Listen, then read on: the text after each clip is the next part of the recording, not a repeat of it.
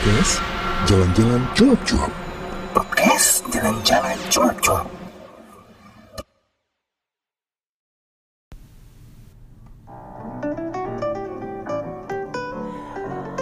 Assalamualaikum warahmatullahi wabarakatuh. Selamat pagi, siang, sore, dan malam di mana pun kamu berada. Dan sekarang tepat di tanggal 12 April 2020 Walaupun gue maunya itu siarannya seminggu sekali Tapi karena gue gak ada kerjaan dan gue ngerasa bosen banget Maka gue bakal bikin podcast ya Kalau hari kemarin gue udah ngomongin tentang hubungan gue dengan my sister sekarang gue bakal balikan lagi nih ngobrolin tentang traveling. Secara ini sebenarnya podcast gue adalah jalan-jalan cuap-cuap, di mana aku akan membagikan cerita traveling dan pastinya juga tips tentang traveling. Well guys, gue sekarang ngomongin tentang long weekend. Udah, banyak yang pedih hatinya. Nggak bisa ke mana-mana ya. Jadi emang sih biasanya gue pribadi juga kalau sudah menjelang-jelang akan long weekend itu biasanya udah gue lingkerin, gue tandain gitu ya. Gue akan pergi ke mana gitu karena memanfaatkan momen banget. Andaikan, andaikan itu hari kejepit atau mungkin long weekendnya cukup panjang, gue akan ngambil cuti gitu biar kalau ngetrip, kalau jalan tuh lumayan panjang. Atau paling mentok nih biasanya kalau gue kan di Batam, gue tuh paling akan pergi bisa jadi gue ke Singapura. Pilihannya banyak sih sebenarnya. Atau mungkin gue akan ke Johor. Karena di sini kan ada 5 pelabuhan ferry internasional yang kamu tuh bisa jalan-jalan ke mana aja. Dan hokinya banget, uh, kalau udah nyebrang nih dari Johor terus ke KLIA kamu bakal menemukan bandara Air Asia. Nah udah deh kalau udah ke situ bisa ke mana-mana. Dan itu penerbangannya relatif murah, relatif ya, nggak murah ya. Tapi paling kalau udah maling mentok banget nggak punya duit dan nggak punya nggak punya budget gitu ya. Kalau gue sih ya ya udahlah nggak usah yang jauh-jauh keluar kota. Ke Singapura is okay gitu karena Singapura kalau menurut gue pribadi kalau dulu sih gue apa sih ini negara gitu ya tapi kalau gue sekarang pribadi sebenarnya banyak yang bisa kita explore gitu jadi kalau kalian tuh pengen tahu apa sih yang beda dari Singapura gitu kamu bisa langsung aja ke blognya aku di www.dananwahyu.com jadi aku pernah tuh nyusurin satu jadi kan di Singapura itu ada satu aplikasi nih jadi kayak kita nyusurin taman. Mereka bilangnya adalah taman nasional, tapi kalau kita sih bilangnya taman lah ya. Tapi taman juga di situ banyak beragam tumbuhan dan biasanya tumbuh uh, hewan-hewannya itu dibiarkan liar dan hidup tenang lah di sini karena memang tidak diganggu gitu. Jadi gue pernah menjelajahi hampir semua taman nasional yang ada di Singapura. Jadi pakai uh, aplikasi namanya Coast to Coast. Itu mulai dari ujung barat Singapura sampai ujung timur menyenangkan sih sebenarnya gitu karena kan bosan ya kalau ke Merlion lagi QSSS lagi gitu ya nah atau mungkin nih kalau gue udah mentok banget gue akan ke Pulau Bintan. Nah di sini kan kalau dari Batam ke Bintan itu penyeberangan ya pilihannya banyak bisa sejam bisa dua jam. Kalau menggunakan kapal cepat itu bisa sejam. Cuman kalau kapal lambat ya dua jam gitu. Dan kalau di situ juga banyak destinasi wisata. Dan yang gue seneng sih kalau dari Bintan. Jadi Bintan itu ternyata terdiri dari beberapa kabupaten dua kabupaten sih kalau nggak salah yaitu Kota Madia Tanjung Pinang dan Kabupaten Bintan. Nah kalau si Tanjung Pinangnya sendiri itu lebih lebih dikenal dengan wisata-wisata kuliner, wisata kota. Dan kotanya itu kalau gue bilang kayak pecinan-pecinan zaman dulu gitu. Banyak sebenarnya destinasi wisata budaya e, religi gitu ya. Karena juga kan di sana banyak orang Chinese.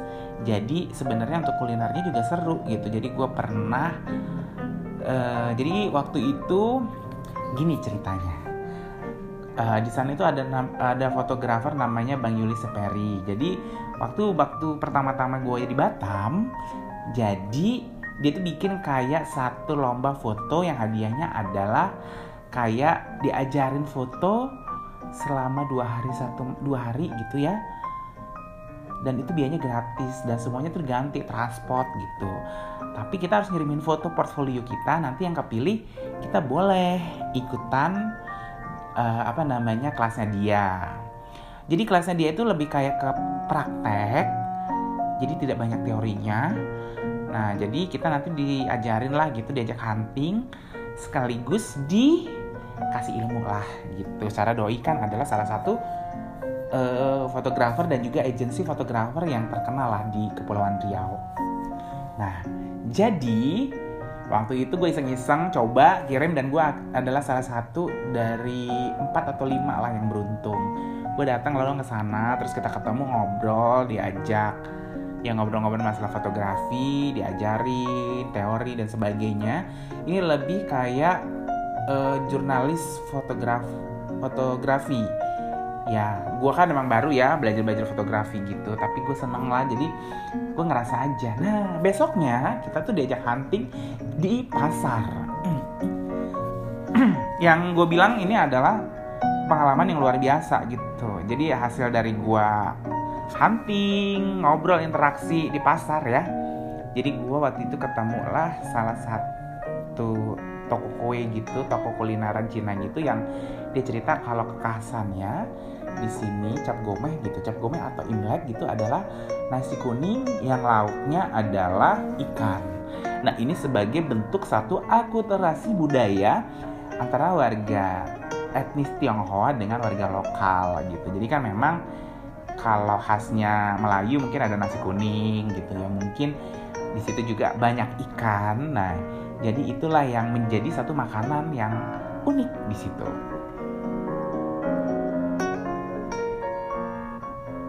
Nah yang sebenarnya trip-trip seperti itu sih yang bikin gue senang gitu. Jadi gue kalau kalian pikir, uh Dana nih ngetripnya tuh selalu uh, ke tempat-tempat mewah, hotel lah, resort, enggak, enggak selalu sih. Karena kalau kalian mau flashback nih ke belakang, jadi di tulisan-tulisan aku di dananwahyu.com itu, dulu itu lebih banyak perjalanan-perjalanan yang kalau gue bilang ekstrim gitu. Kayak kita ke pedalaman suku Mentawai kayak gue perjalanan ke Aceh yang 10 hari hanya modal satu juta rupiah gitu. Bukannya apa-apa bukannya gue cari tantangan tapi gue nggak punya duit waktu itu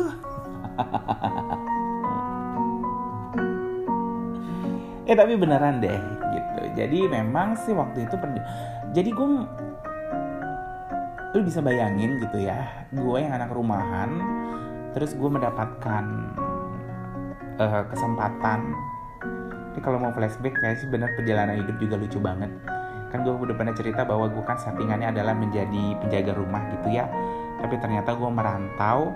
Di perantauan ini gue menemukan pola kerja yang menyenangkan dua minggu kerja satu minggu libur jadi di mana satu satu minggu itu gue bisa jalan-jalan. Pada awalnya gue nggak mendapatkan kesempatan. Maksudnya uh, eh, gue bukan kesempatan.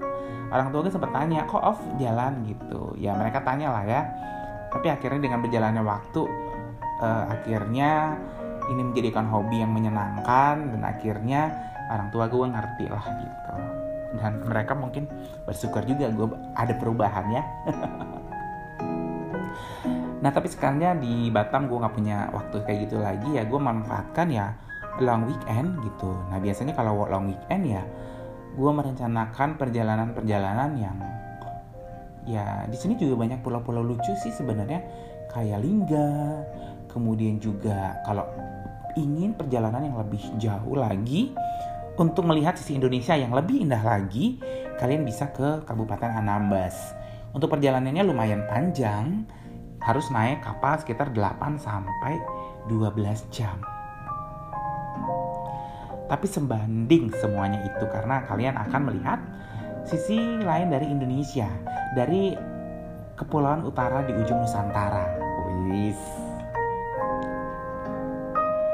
Ada juga Lingga yang alhamdulillah sih tahun kemarin uh, eh, gue kesampaian ke sana gitu dan gue sempat melihat bahwa ini adalah satu tempat yang memang memiliki kekayaan budaya, kekayaan historikal, kekayaan alam, dan pastinya juga kekayaan kuliner.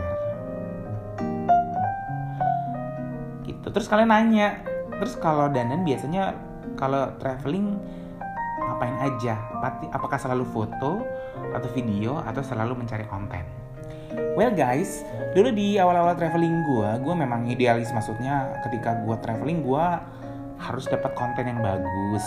Maksudnya foto pun gue bawa alat fotograf fotografi yang lumayan ribet gitu ya, berat gitu ya, tidak sesuatu yang simple. Kemudian ketika gue mengenal videografi juga perjalanan gue semakin berat karena peralatan di bawah juga semakin banyak. Tapi pada akhirnya gue lebih kayak berdamai dengan keadaan. Gue akan melihat dengan siapa gue traveling. Kalau dengan mereka yang tujuan datang ke sana hanya untuk foto-foto santai, maksudnya nggak nggak nggak hunting, ya gue akan uh, mengikuti gayanya mereka. Gue akan foto-foto. Cuman pernah gue traveling hanya membawa ponsel gitu. It's okay bagi gue gitu. Tapi biasanya untuk perjalanan perjalanan atau trip-trip besar walaupun gue jalan dengan orang-orang yang mereka hanya cuman foto-foto doang gue tetap akan mencoba untuk membuat dokumentasi dengan sebaik-baiknya. Karena gue ngerasa bahwa dokumentasi ini adalah sebuah investasi. Tadinya gue nggak pernah berpikir sejauh itu tapi setelah perjalanan perjalanan perjalanan panjang yang pernah gue lakukan gitu ya yang pasti juga keluar duit uh, ketika gue punya sesuatu dokumentasi yang lengkap yang tadinya sih gue pikir oke okay, ini akan untuk blog gue atau untuk melengkapi dokumentasi gue pribadi tapi pada akhirnya tuh ke depannya banyak yang cari. Kayak umpamanya beberapa foto traveling itu dicari orang. Kemudian ada juga video yang dicari orang gitu. Dan ada satu teman gue tuh yang tinggal di Australia bilang sama gue kayak gini kan katanya kalau lo traveling ke mana pun apalagi pedalaman Indonesia yang mungkin dalam 20 atau 30 atau 50 tahun ke depan itu bakal berubah lo mesti dokumentasikan dengan sebaik-baiknya. Karena itu yang akan menjadi sejarah atau menjadi cerita bagi generasi setelah lo gitu. Dan kalau lo punya dokumentasinya umpama nih gue dokumentasikan ke blog atau ke vlog itu nantinya akan menjadi satu warisan. Even lo eh, nggak berpikir jauh seperti itu tapi itu pasti akan bermanfaat dia bilang. Atau mungkin lo nggak berpikir untuk menjual tapi itu nanti akan bermanfaat buat orang. Makanya akhirnya makin ke sini juga gue sih biasa kalau traveling yang panjang gue akan bikin dokumentasi yang sebaik-baiknya. Tapi kalau untuk trip-trip yang ulang gitu ya gue nggak ya udah ketika gue udah punya dokumentasi yang bagus nih trip yang berikutnya ke tempat yang sama ya udah oke. Okay, kita hanya foto-foto. Dan ngomongin akhir pekan uh, ternyata banyak perubahan ya guys ya. Jadi kan akibat hmm, wabah pandemi yang me, apa namanya wabah pandemi yang menyerang Indonesia itu akhirnya berubah nih liburan super panjang 12 hari di bulan Mei. Uh, padahal gue udah mau beli tiket loh guys gitu. Karena biasanya biasanya nih gue itu beli tiket untuk mudik itu biasanya di Januari atau di Februari yang harganya masih murah banget. Ya secara lah ya anak kos gitu. Tapi kok nggak tahu memang gue memang ada feeling kayaknya gue nggak beli dulu deh gitu. Dan setelah ke sini ke sini ya udah. Uh, ternyata memang ada fenomena corona jadi gue kayaknya nggak akan mudik. Terus yang tanya mungkin ya apa sih dana yang dilakukan kalau nggak ke mana-mana long weekend atau apa pun? Well guys uh, hidup gue juga nggak selalu traveling kok gitu. Gue punya beberapa pekerjaan tetap yang memang mengharuskan gue bekerja. Jadi jangan berpikir bahwa oh ternyata kalau di luar pekerjaan gue akan menganggur. Enggak jadi sebenarnya kan uh, eh, gue menanamkan komitmen buat rajin aja. Jadi sebelum di bulan ini gue ada aktivitas baru gitu ya. Gue ada satu kelas yang itu memang butuh konsentrasi gue butuh belajar banyak. Dan akhirnya sih ya udah momennya pas aja. Dan memang gue memang tidak setelah bulan Februari ya Februari atau Maret gue tidak merencanakan satu perjalanan. Sampai nanti kelas gue berakhir di bulan Desember gitu. Tapi biasanya kalau gue nggak ada kelas ini uh, kalau gue nggak ke mana-mana gue akan menabung konten. Jadi uh, gara-gara di Batam ini gue itu mulai uh, apa namanya mulai rajin yang namanya bikin konten. Bukan rajin sih dulu juga rajin tapi tidak teratur. Jadi gini gue akan berikan satu apa ya gambaran. Jadi ketika dulu gue bekerja dua minggu saat dua minggu di lapangan dan satu minggu off maka itu gue banyak punya waktu luang sebetulnya.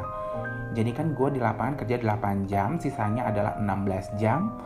Dan di mana 8 jamnya selain istirahat gue bisa gunakan untuk bikin konten. Tapi ternyata ketika lo bekerja di office hour kayak gue sekarang itu malah lo banyak gak punya banyak waktu. Kalau lo nggak tricky jadi kan memang pekerjaan gue 8 jam tapi kadang-kadang aktivitas di kantor itu juga sampai malam gitu karena kita kerja kan tidak di lapangan. Kalau di office kayak gini tuh banyak dan lain-lainnya kalau gue bilang gitu. Jadi selain bekerja ya kita ada uh, aktivitas. Bukan kewajiban sih sebenarnya begaulnya bergaul itu nongkrong atau mungkin nemenin tamu makan atau mungkin menjamu tamu makan atau mungkin mengantar tamu makan yang mereka berkunjung ke Batam gitu. Atau mungkin sengaja memang gue yang nongkrong ya gitu. Nah jadi gue memang tidak memiliki waktu sebanyak dulu gitu. jadi gue trikinya gimana? Ketika gue punya waktu maka gue akan bikin konten sebanyak-banyaknya. Kayak nulis kayak ngeblog gitu. Di satu weekend gue bisa lo sehari itu mengedit tiga video. Dan membuat beberapa tulisan gitu. Ada yang nanya apa nggak jenuh? Nggak jenuh sih gue bilang gitu. Jadi sebenarnya kan kalau gue pribadi bikin konten ini adalah sebuah proses relaksasi juga dan hiburan bagi gue di tengah pekerjaan gue yang memang beda dengan aktivitas hobi gue gitu. So ya udah gue nikmatin aja gitu. Tapi belakangan memang karena gue ada kesibukan lain ya gue nggak bisa bikin konten. Dan hal ini juga berlaku dengan uh, apa ya proses kreatif sih memang. Karena gue ngerasa bahwa dulu gue lebih banyak punya waktu buat riset ketika traveling itu ketika gue di lapangan. Jadi sebelum traveling dulu gue banyak banget nih risetnya. Sekarang gue nggak banyak punya waktu gitu di office hour seperti sekarang ini. Tapi apa pun gue menikmati aja karena uh, kehidupan yang seru menurut gue adalah ya kehidupan yang dinamis. Jadi lo nggak tetap kayak gitu aja tapi terus berubah. Nah perubahan-perubahan ini kan kadang bisa negatif dan kadang bisa positif. Dan itu balik lagi ke kita sih memang. Ya kalau memang kayak kondisi sekarang adalah kondisi corona ya. Kondisinya mungkin uh, yang kita pikir adalah negatif gitu ya tapi gue selalu berpikir gini Tuhan tahu apa yang terbaik buat kita mungkin kita berpikirnya ini nggak baik buat kita tapi ternyata prosesnya itu yang akan menuntun kita ke sesuatu yang lebih baik. Ini, waduh, kayaknya dalam guys ya. Dalam sih, ya ini berhubungan dengan pengalaman gue sendiri yang kenapa gue sih pada awalnya gue agak-agak menolak sih hati kecil gue untuk pindah ke Batam. Tapi setelah gue di sini itu ternyata lebih banyak kesempatan, lebih banyak networking, lebih banyak temen, tapi juga lebih banyak tantangan sih pastinya. Lebih banyak drama lah ya bukan di kantor malah di luar kantor yang drama-drama itu tapi paling enggak gue ngerasa ini adalah satu proses pendewasaan gue juga gitu jadi gue nggak di selalu di zona nyaman gue tidak selalu bertemu dengan orang yang karakternya secara general sama tapi gue melihat orang dengan berbagai karakter dan berbagai sudut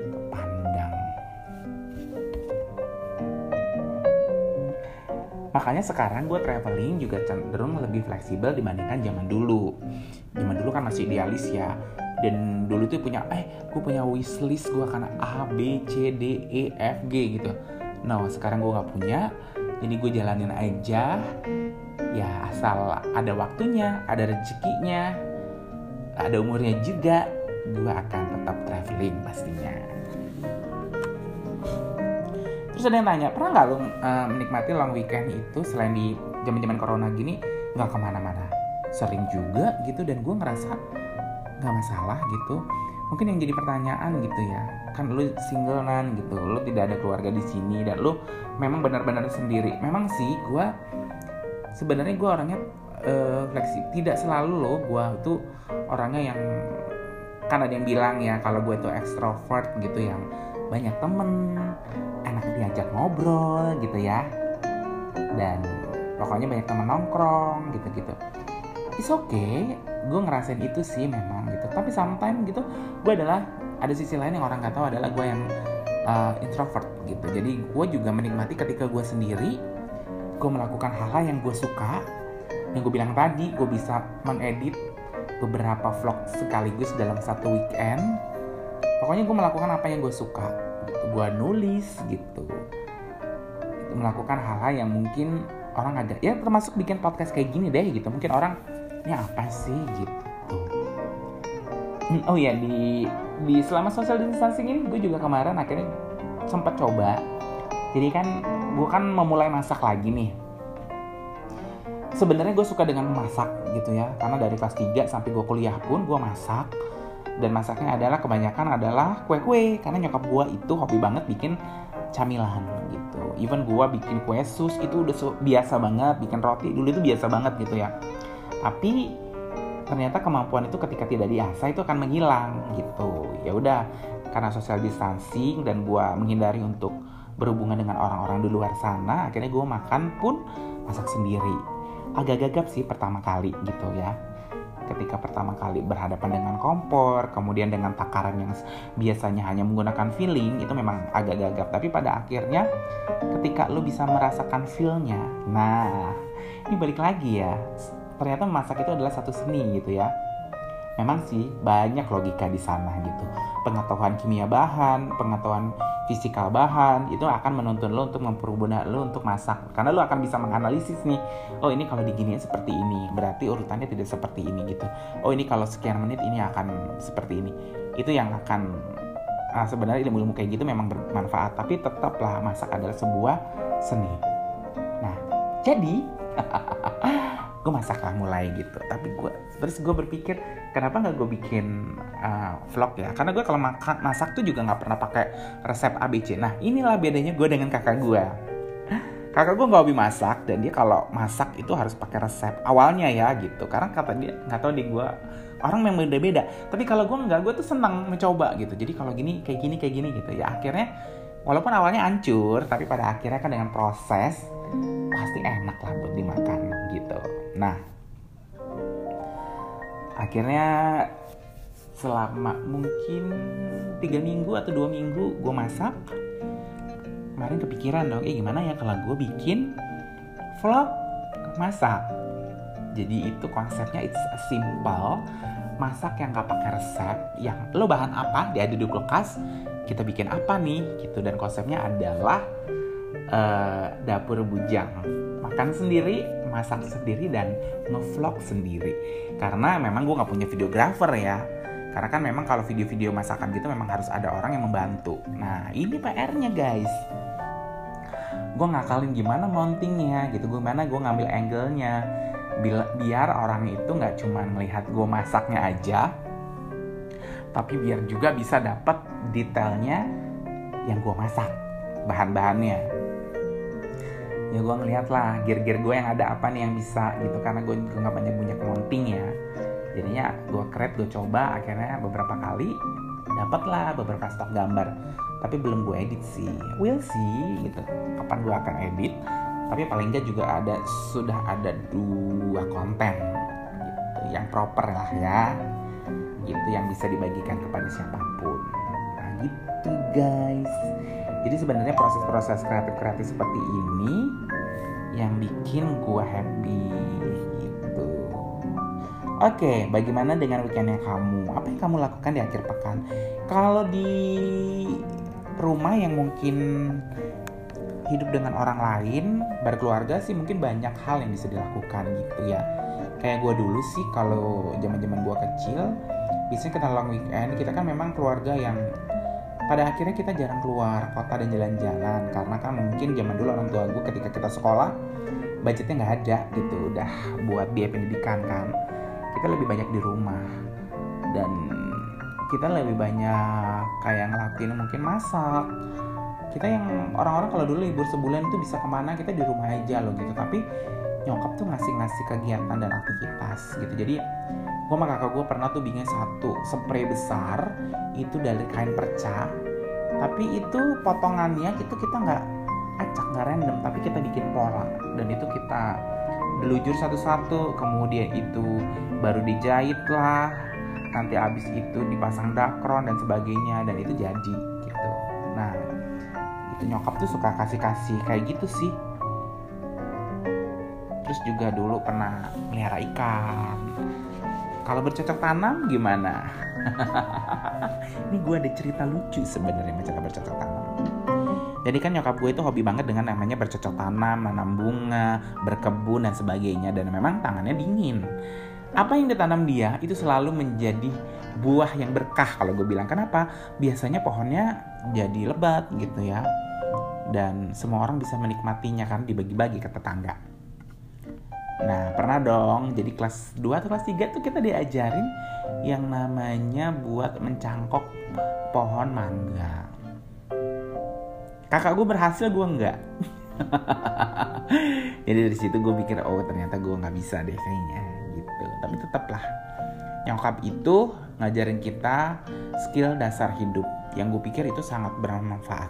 Apa sih skill dasar hidup Oke kita akan ngobrol nih Wah makin dalam dan makin seru Jadi gini ke, Sekarang ini kebanyakan kita itu melupakan skill dasar hidup Skill dasar hidup itu ya kayak kita menahan uh, Memasak, mencuci, mungkin berkebun Bisa juga memancing kemudian beternak dan sebagainya.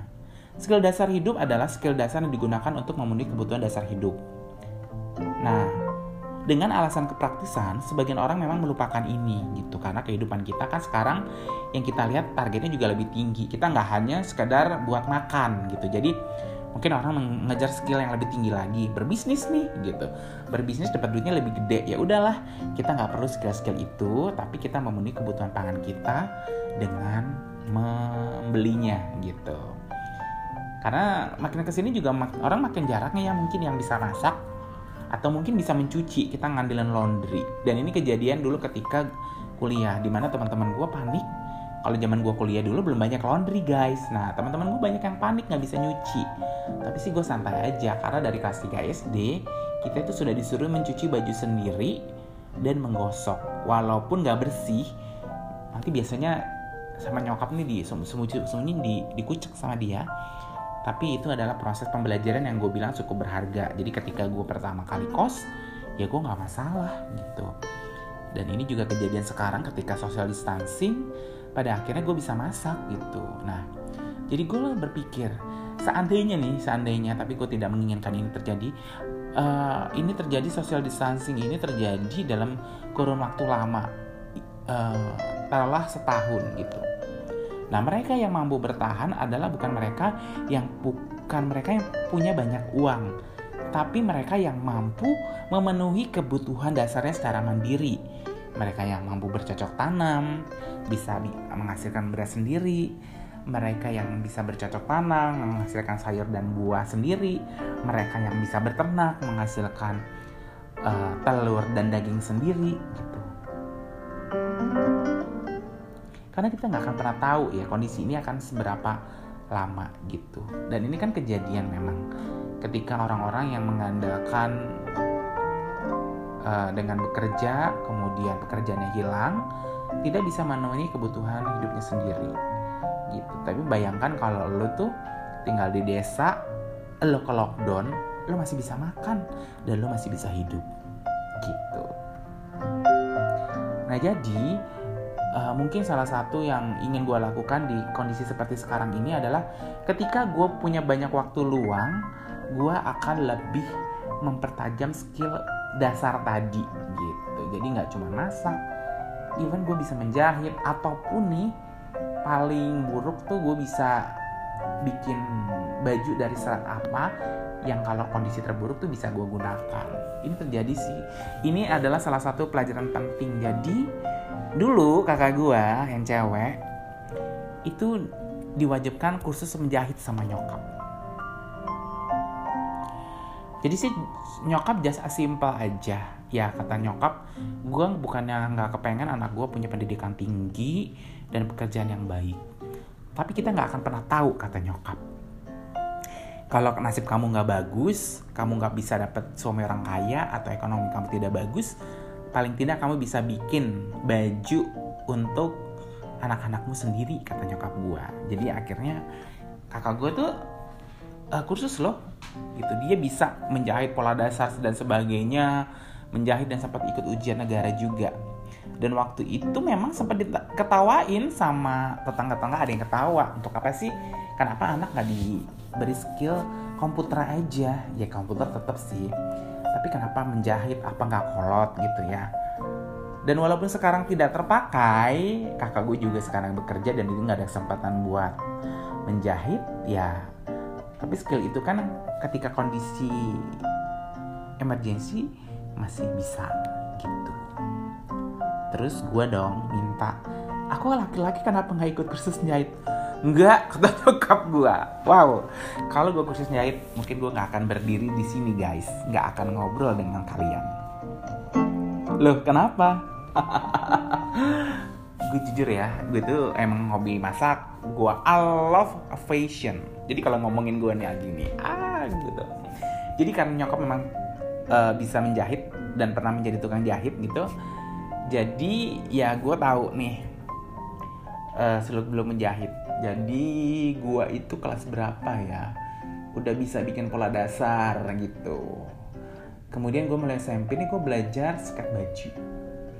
Gue suka gambar gue sekat baju dan gue sempat berpikir sih eh gue dong diajarin jahit biar gue bisa mewujudkan impian-impian gue terus nyokap gue bilang no. Katanya dia tahu kalau gue uh, bisa jahit pasti gue akan jadi fashion designer. Karena gue memang menginginkan hal itu gitu. Dan lucunya sih jadi kan waktu zaman SMA nih kita itu uh, di kayak tes minat dan bakat gitu. Jadi yang muncul adalah yang disarankan. Pertama gue menjadi arsitek. Kedua gue menjadi graphic designer. Yang ketiga gue menjadi fashion designer.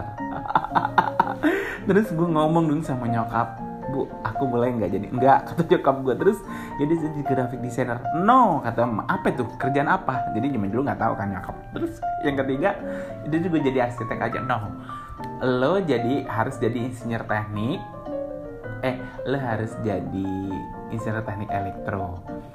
Nggak semua orang bangun rumah itu membutuhkan arsitek katanya.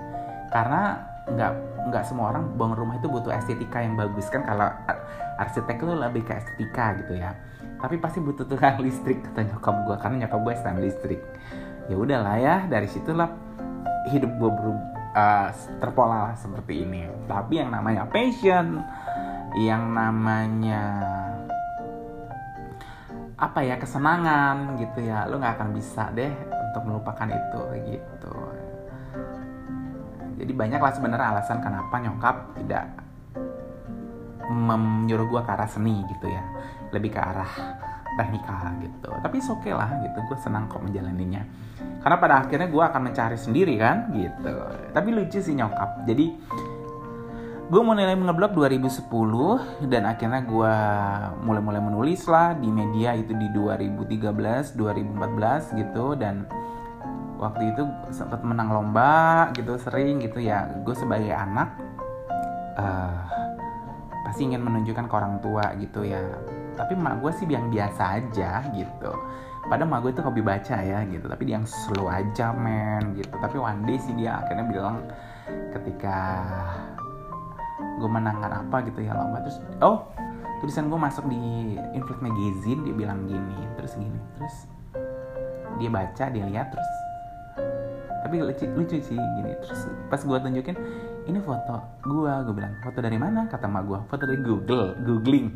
Bukan gue bilang gue foto sendiri. Terus gue yang nulis. Oh oke. Okay. terus mak gue cuma bilang gini oh ya nggak jauh lah. Emang buah nggak jauh jatuh jauh dari pohonnya. Dia ngomong gitu doang. Terus gue nanya emang kenapa?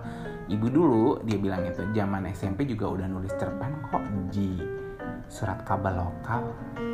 Eh kenapa nggak ngomong dari dulu? Kalau gitu kan gue ngeblok dari dulu terus gini juga uh, kemarin kan gue sempat bikin lagu. Ya sebenarnya sih gue nggak bisa bikin alat musik dan sebagainya. Tapi gue tuh pengen sih sebenarnya gitu karena nggak tahu ya feeling aja ada lah gitu. Nah pada akhirnya uh, kan lagu itu ditunjukin lah sama ponakan gue ke nyokap gitu. Cuman nyokap ya dingin dingin aja gitu. Padahal gue tahu ya keluarga nyokap gue itu dulu saking maniaknya dengan musik mereka itu sampai kan berapa bersaudara ya 12 gitu. Mereka itu sampai punya grup perancang musik yang mereka alat musiknya itu bikin sendiri. Dan mereka itu rutin nyanyi latihan gitu. Tapi kayaknya nyokap juga memang nggak pengen uh, eh, gue bekerja di bidang seni ya. Karena ya kalau zaman dulu seni tidak menjadi pegangan hidup gitu gitu. Jadi kalau weekend ya karena gue tuh orangnya banyak impian imajinasi dan sebagainya sebenarnya banyak yang ingin gue lakukan. Ya tadi itulah. Bikin musik kemudian bikin vlog. Gimana dengan kamu? Sebenarnya banyak sih yang bisa kita lakukan.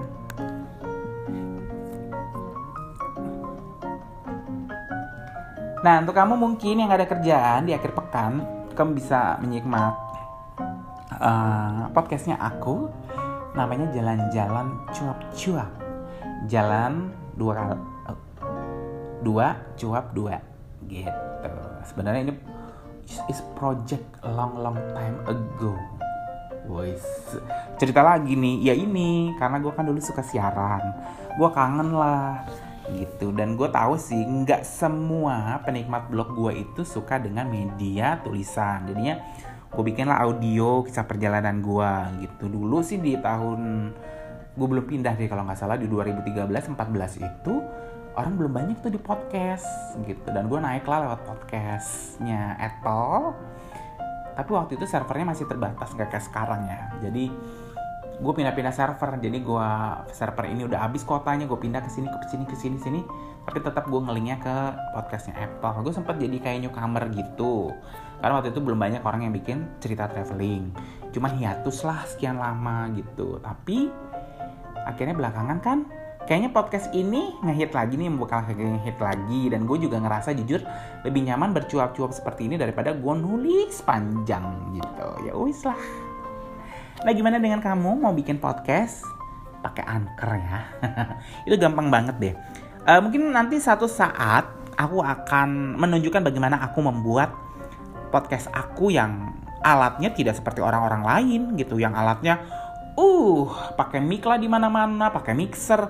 No, I just use my ponsel. Eh, my iPhone Tapi memang perlu sedikit tricky gitu biar suara kamu tetap enak didengar sama orang-orang gitu ya. Kalau kamu setuju nanti next time deh aku akan sharing bagaimana cara membuat podcast. Kemudian apa yang harus diperhatikan sih bikin podcast pakai ponsel biar suaranya tetap mantul. gitu biar tetap enak didengar biar terkesan profesional juga gitu Yowis guys, terima kasih ya udah menikmati kebersamaan selama setengah interval atau 30 menit lebih nih. Semoga obrolan santai hari ini bisa bermanfaat dan menginspirasi untuk kamu yang mau menghabiskan akhir pekan. Dan akhir kata, dan mengucapkan, eh aku minta maaf dulu kalau ada kata-kata yang kurang berkenan gitu ya. Aku undur diri dan akhir kata dan mengucapkan wassalamualaikum warahmatullahi wabarakatuh dan selamat pagi, siang, dan sore di mana pun kamu berada.